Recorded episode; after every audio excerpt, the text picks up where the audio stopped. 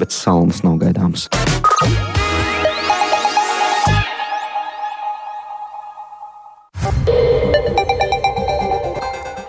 Piecas minūtes pāri 12. skanējumu sāk ziņu raidījums pusdiena ar plašāku skaidrojumu par pirmdienas 11. septembra būtiskākajiem notikumiem.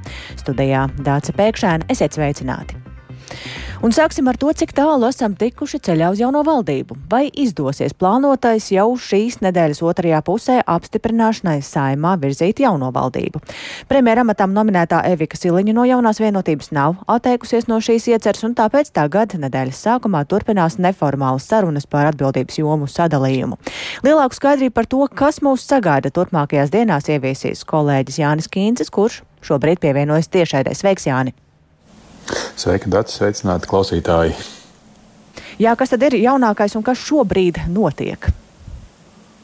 Jā, nu, nedēļas nogalē un arī šodien aizvien turpinās neformāls eh, partiju pārstāvju sarunas par amatu sadalījumu topošajā valdībā.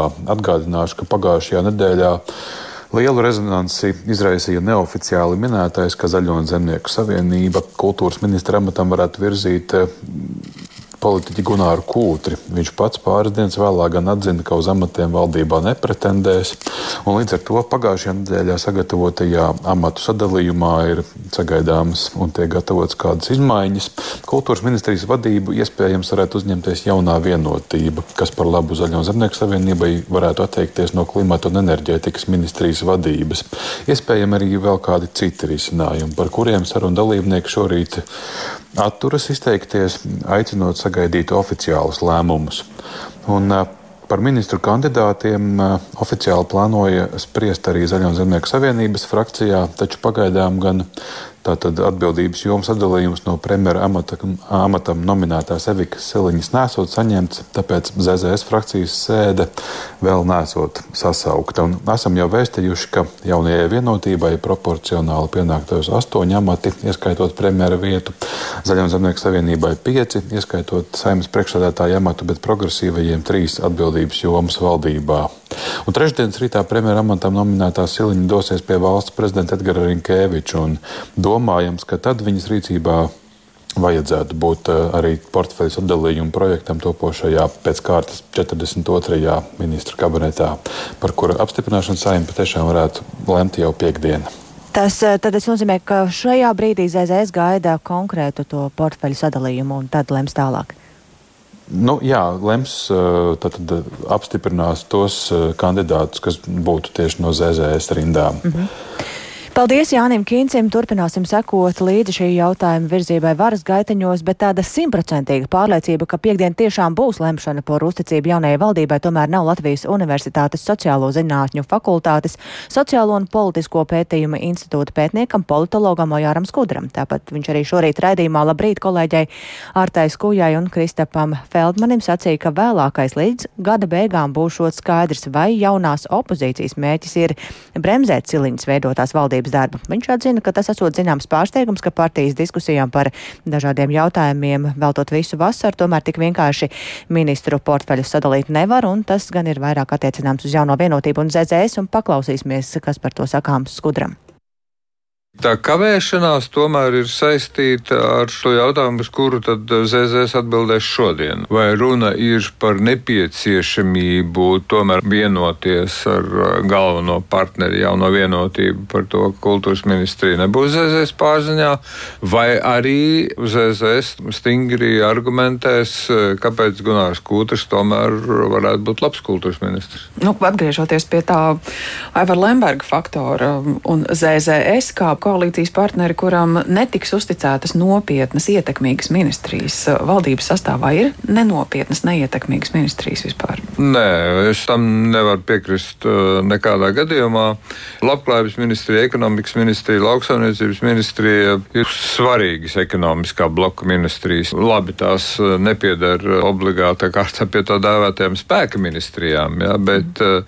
vienalga ZZS tomēr pretendē uz pieciem amatiem, ieskaitot ieskaitot saimnes priekšsēdētāju, kur gan Valaņkungs tā kategoriski vēl neizsakās par sevi kā kandidātu. Bet, nu, pilnīgi skaidrs, ka saimnes priekšsādātājs šajā gadījumā saistībā ar pašreizējo topošās valdības sastāvu un tam 53 balsīm, pieskaitot Buraukungu klāt, lielā mērā būs atkarīga no tā, kā risināsies jautājums saimnes komisijās un saimā, vai nu vismaz saima un valdība būs vienlīdz līdzvērtīgas.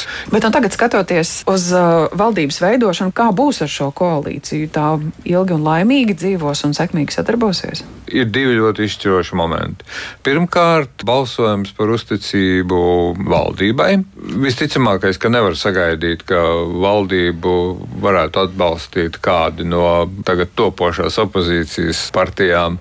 Kaut gan tīri hipotētiski es neizslēgtu tādu variantu, kas būtu ļoti pozitīvs signāls no tāda viedokļa, ka tai valdībai tas atbalsts varētu būt plašāks nekā tās 53 balss. Bet otrs jautājums, protams, ir budžets, ar kuru ir saistīti, protams, ļoti dažādi jautājumi, kas ir ne tikai finanšu ministrija, tur ir arī ekonomikas ministrija iesaistīta un vairākas citas ministrijas.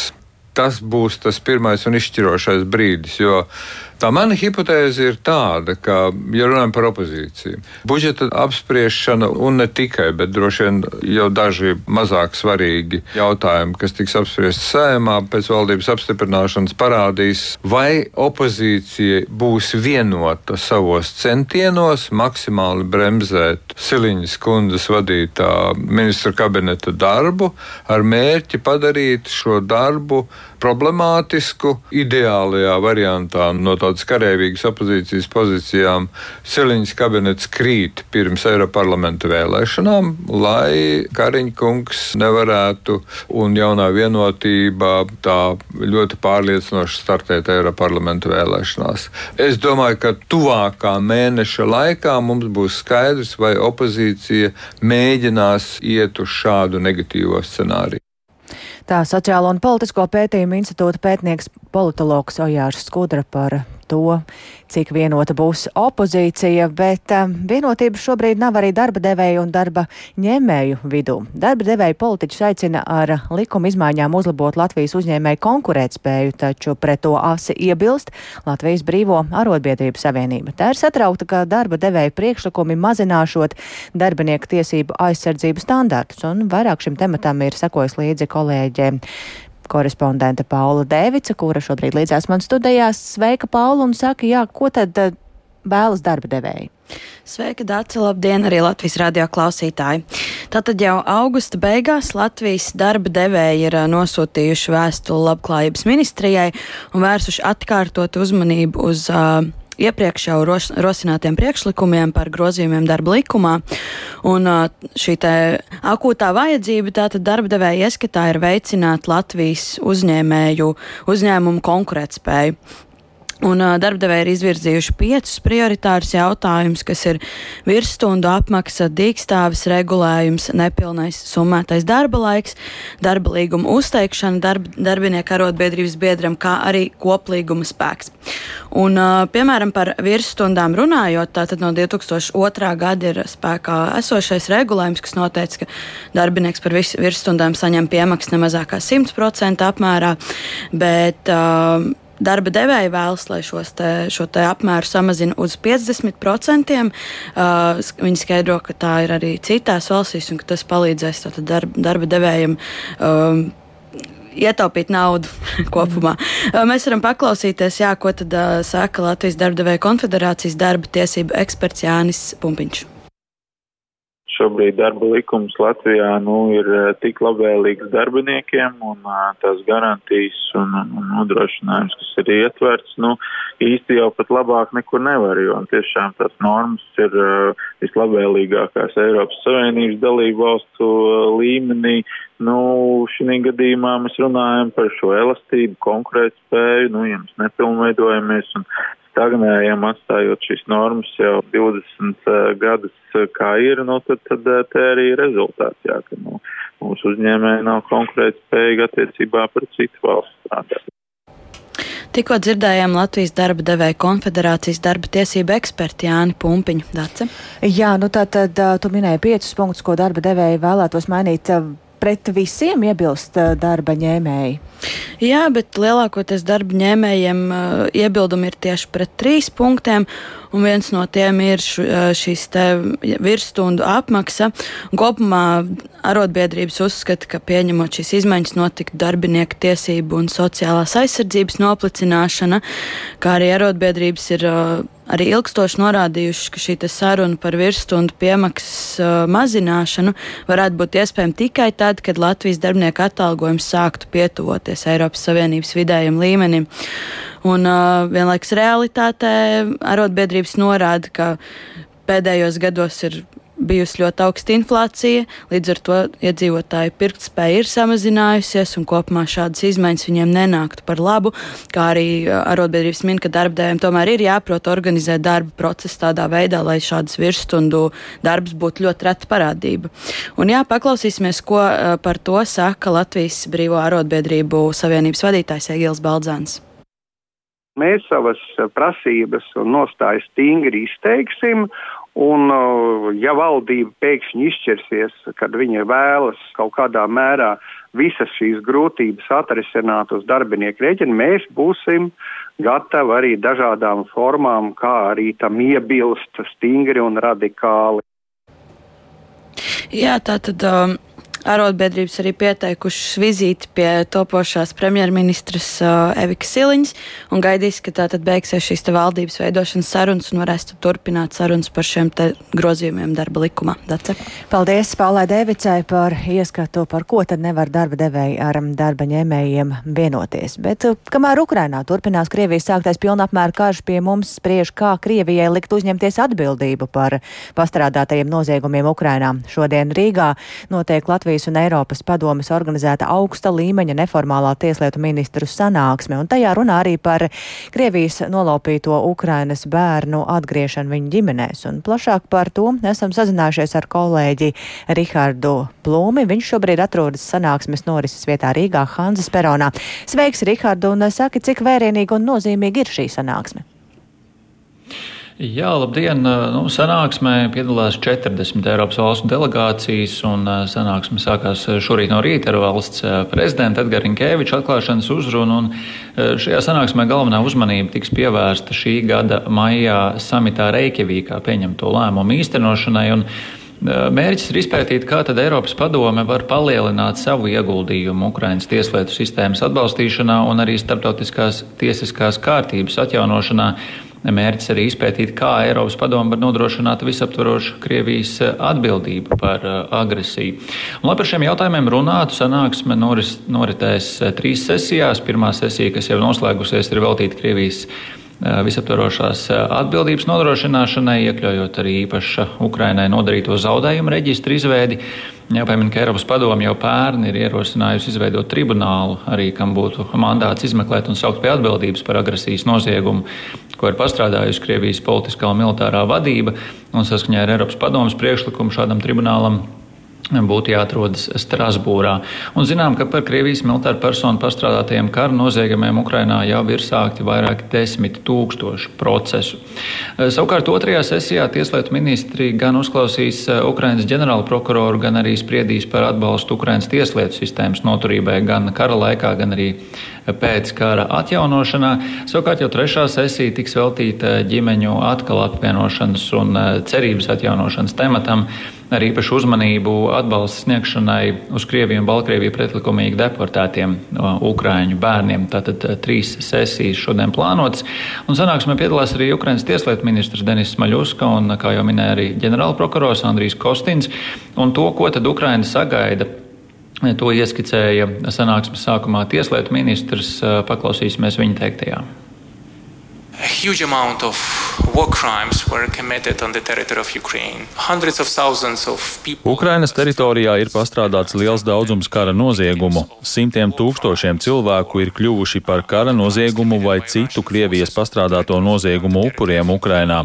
Mēs sagaidām un aicinām uz visaptveroša mehānisma izveidi, lai sauktu Krieviju pie atbildības par Ukrainā pastrādāto. Tas ietver ne tikai kriminālo dimensiju, šeit pieminot Putina arestu orderi, kas ir liels sasniegums, bet tas ietver arī tribunāla agresijas noziegumu izmeklēšanai izveidi, turpmākas procedūras starptautiskajā krimināla tiesā un palīdzība tai, kā arī kompensāciju fonda izveidi. Tātad sagaidām tālākus soļus un taustāmus rezultātus, lai mūsu diskusijas sniedz redzamus piemērus, ka likuma vara eksistē un ir būtiska, un varam saukt Krievijas augstāko vadību pie atbildības par noziegumiem, ko tā pastrādājusi. Jā, nu vēl noslēgumā jāmin, ka, lai panāktu šīs ministra pieminētās lietas, Ukraina rūpīgi strādāja ilgstoši un dažādos līmeņos. Nu, ir skaidrs, ka visu valstu viedokļi, kur 40 delegācija šodien šeit visos jautājumos nav vienādi, viedokļi atšķiras. Nevaram sagaidīt, ka šeit šodien tiks pieņemti gala lēmumi par visām šeit apspriestajām lietām. Tomēr šī ir būtiska platforma, kurā valsts apmainīsies ar viedokļiem par visām šīm tēmām, uzklausīs vienu otru, arī dažādas divpusējās tikšanās notiek. Un jāpiemina, ka šī viedokļu apmaiņa notiek aiz slēgtām durvīm. Savukārt oficiāls paziņojums par sanāksmi būs gaidāms šovakar. Dace. Paldies Rihardam Plūmēm. Tas tātad par neformālo tieslietu ministru sanāksmi, kas notiek Rīgā un kurā spriež par iespējām saukt Krieviju pie atbildības par pastrādātajiem noziegumiem Ukrainā. Bet palīdzība ir vajadzīga arī Marokai, kur ieradušās pirmās ārvalstu glābēju komandas Ziemeļāfrikas valstī. Vairāk nekā divas diennaktas pēc postošās zemestrīces daudz vietu iedzīvotāji joprojām nav sagaidījuši nekāda veida palīdzību, un lai gan strauji sarūk iespējas atrast vēl kādus izdzīvojušos, meklēšanas un glābšanas darbi turpinās, un par to vairāk stāsta Uldis Ķeizberis. Marokas centrālajā daļā, ko vissmagāk skāra naktī uz piekdienu notikusī 6,8 magnitūdas spēcīgā zemestrīce, jau trešo dienu turpinās centieni zem sagrubušo ēku drupām atrast vēl kādu izdzīvojušo. Līdz šim oficiāli ir apstiprināta vairāk nekā 2100 cilvēku bojāēja, bet vēl 2400 ir guvuši ievainojumus. Daudzi no viņiem cīnās par savu dzīvību. Ir skaidrs, ka bojāgājušo skaits ievērojami pieaugs, jo zem namu gruvešiem atrodas vēl tūkstošiem cilvēku. Tikai šodien glābējiem izdevās nokļūt vairākos atlasa kalnu ciematos, kurus zemestrīce faktiski ir noslaucījusi no zemes virsmas. Iepriekš tas nebija iespējams, jo autoceļus bija nobloķējuši nolūzuši koki un akmens bluķi taču daudzas apdzīvotās vietas joprojām ir nošķirtas no apkārtējās pasaules. Tur vietējie iedzīvotāji ar lāpstām un kailām rokām mēģina atbrīvot ēku gruvešus cerībā atrast vēl kādu izdzīvojušu tuvinieku, draugu vai kaimiņu. Simtiem tūkstošiem Marokas iedzīvotāju jau trešo nakti pavadīja zem klajām debesīm, jo viņi baidās no zemestrīces pēcgrūdieniem un no tā, ka viņu mājas var sagrūt, jo to konstrukcijas ir bojātas. Daudziem trūks dzeramā ūdens, pārtika un zāles. Daudz viet nav atjaunota elektrības padeve un ir nopietni traucēti telefona un interneta sakari. Jasīns Benhnija, kurš dzīvo turistu iecienītajā Urgēnas ciemā Atlasa kalnos, sūdzējās, ka varas iestādes pārāk gausi ir reaģējušas uz notikušo, lai gan cilvēkiem palīdzība ir nepieciešama steidzami. Mums trūkst medikamentu, īpaši diabēta slimniekiem un cilvēkiem ar augstu asins spiedienu. Šeit ir daudz cilvēku, kuri cieš no šīm slimībām, un līdz šim mēs neesam saņēmuši šādu palīdzību. Viss, ko mēs lūdzam no varas iestādēm, iestādēm ir, lai tās parūpējas par šiem cilvēkiem un redz, kas viņiem trūkst, jo galu galā mēs visi esam marokāņi. Starptautiskā sabiedrība solidarizējas ar Maroku un piedāvā savu palīdzību. Spānija vakar paziņoja, ka uz Maroku ir nosūtīti 58 glābēji un 8 īpaši apmācīti suņi. Darbu ir uzsākuši arī glābēji no Francijas un Izrēlas. Savu palīdzību ir piedāvājušas arī ASV, Lielbritānija, Katara, apvienotie Arābu Emirāti un Turcija. Uldis Česberis, Latvijas radio. Un eh, tagad gan par to, ka šodien no pasaules čempionāta svinīgi sagaidīsim mājās Latvijas vīriešu basketbola izlasi. Tā debijā pasaules meistars sacīkstēs ir izcīnījis augsto piekto vietu, un mums aizvadītajās nedēļās ir sagādājusi milzum daudz pozitīvu emociju. Un to noteikti netrūks arī šodien, kad pussešos vakarā sagaidīsim mūsu sportistus pie brīvības pieminekļa, un kas svarīgi, ka tiem, kuriem nebūs iespēja būt klātienē, to varēs eh, baudīt un arī valdošo atmosfēru sajust ar Latvijas radio radio starpniecību. Tā skaitā ar Mārtiņu Kļavnieku palīdzību, kurš arī šobrīd mums ir pieslēdzies tiešaidē. Sveiks, Mārtiņ! Sveika, Dārts, un sveicināt Latvijas radio pirmā kanāla klausītāji. Nu jā, sportā mums uh, šogad daudz pozitīvu mirkļu un um, vienu vērienīgu sagaidīšanu jau šogad piedzīvojām pateicoties hokeistiem. Tagad basketbols. Kā ir tā kārtība būs šoreiz līdzīga, ar ko ir jārēķinās faniem? Jā, nu, pirmkārt jau jāsaka tā, ka laikus ierodieties brīvības pieminekļa laukumā, tas laikam ir tas eh, pirmais, kas man ir jāpasaka, jo, nu, solās būt daudz cilvēku. Pagaidām gan, gan mēs šeit Latvijas radio iekšienē, gan arī kolēģi no citiem medijiem vēl tikai lēš, cik tas pūlis varētu būt liels, bet, nu, rēķinamies, ka cilvēku būs daudz un eh, nepārsteigsimies, tā noteikti arī būs. Līdzīgi, jā, diezgan līdzīgi ir šī programma. Ties, protams, atšķiras laiki, kad cikos kas sākas, bet tā noris ir diezgan līdzīga. Nu, jāsaka tā, ka varu jau ziņot, un tas ir droši zināms, ka izlase ir iekāpusi lidmašīnā desmitos no rīta pēc Latvijas laika Dubajā, un šorīt, šobrīd ir kaut kur gaisā ceļā uz Latviju. Varētu ierasties Latvijas teritorijā ap četriem pēcpusdienā, un tad ir plānots, ka lidmašīna vispirms aplidos katra basketbolista dzimto pilsētu. Tādas ir vairākas, protams, ne tikai Rīga, un tad pēc tam dosies lido, uz lidostu Rīga, kur tad arī lidaparāts nosēdīsies, nu, un tad arī basketbolisti izkāps no lidmašīnas. Gaidām tāda pati mm, ūdens arka no šīm divām ūdens strūklām, kā bija sagaidot mm, hokeistus. Tad arī basketbolisti izkāps no lidmašīnas un dosies pie saviem ģimenes locekļiem, un tad jau divstāvīgais autobuss, kā es dzirdēju, ar atvērto jumtu. Tātad drusku šīkāk nekā hokeistiem dosies uz brīvības pieminekļa laukumu, un tad jau visas aktivitātes, kas saistītas par un ap uzrunām un līdzutēju gavilēm, saucieniem un komandas sagaidīšanu. Jā, nu tas par pašu sagaidīšanu, bet, ja vēl parunājam par basketbolu, tad bez mūsu fantastiskā snieguma komandas snieguma, tad eh, komanda tika arī pie vairākiem individuāliem novērtējumiem. Tā skaitā eh, treneris Banki ir atzīsts kā labākais treneris. Vai varam cerēt, eh, skatoties arī nākotnē, ka viņš turpinās vadīt Latvijas izlasi un varbūt vai viņam nebūs daudz citu interesantu piedāvājumu, ko pieņemt, jo mums tas droši vien būtu ļoti, ļoti svarīgi, ņemot vērā to, ka ir priekšā vēl kvalifikācija Parīzes līdz Olimpiskajām spēlēm. Tāpat arī ceram, ka pašas Olimpiskās spēles Un arī 2025. gada Eiropas čempionāta fināla turnīrs, kurš norisināsies arī daļai Rīgā, grupu spēles un tālāk jau galvenie mači, kurās tiks noskaidrot medaļnieki un arī čempions Rīgā, tepat Rīgā. Un, jā, Lukam Banki ir spēkā esošs līgums līdz 2025. gada šī Eiropas čempionāta fināla turnīra beigām. Viņš ir arī publiski paudis, ka tā ir viņa prioritāte izlase, un viņš pieņems tikai tādu klubu piedāvājumu, kurš atļaus viņam strādāt ar izlasi un neierobežos nekādu viņa darbības ar valsts vienību. Nu, cerams, ka tā arī notiks un nekas šajā ziņā nemainīsies. Luka Banki ir cilvēks, vīrs un vārds, līdz ar to es domāju, ka tā arī būs. Cerēsim, ka tā būs, bet vēl par Parīzi runājot, cik ir liela iespēja, ka mums pašiem izdosies um, Latvijā nākamvasar sarīkot kvalifikācijas turnīru, par ko arī ir izskanējis, ka mēs varētu tam pieteikties.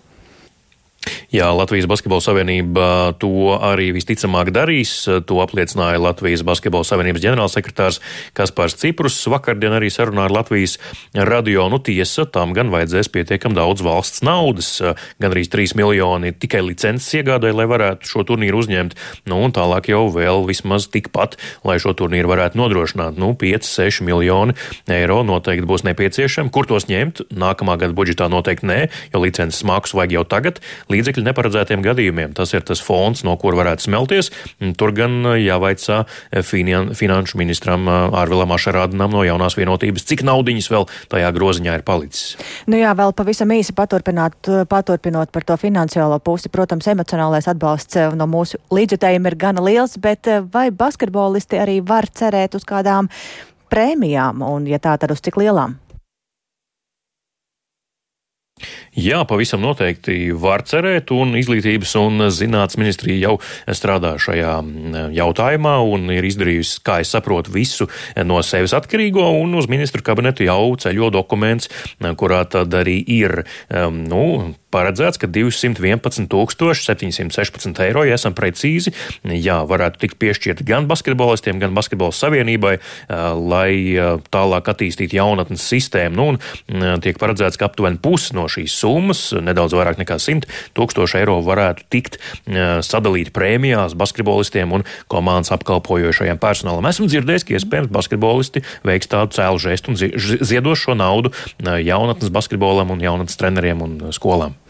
Paldies Mārtiņam Kļaviniekam. Tātad vēlreiz atgādinājums, ka mūsu basketbolistu sagaidīšana pie brīvības pieminekļa šodien pussešos vakarā. Un, ja nav iespējas būt klātienē, tad tāda iespēja būs jau pēc ziņām pulksten piecos pēcpusdienā klausoties Latvijas radio.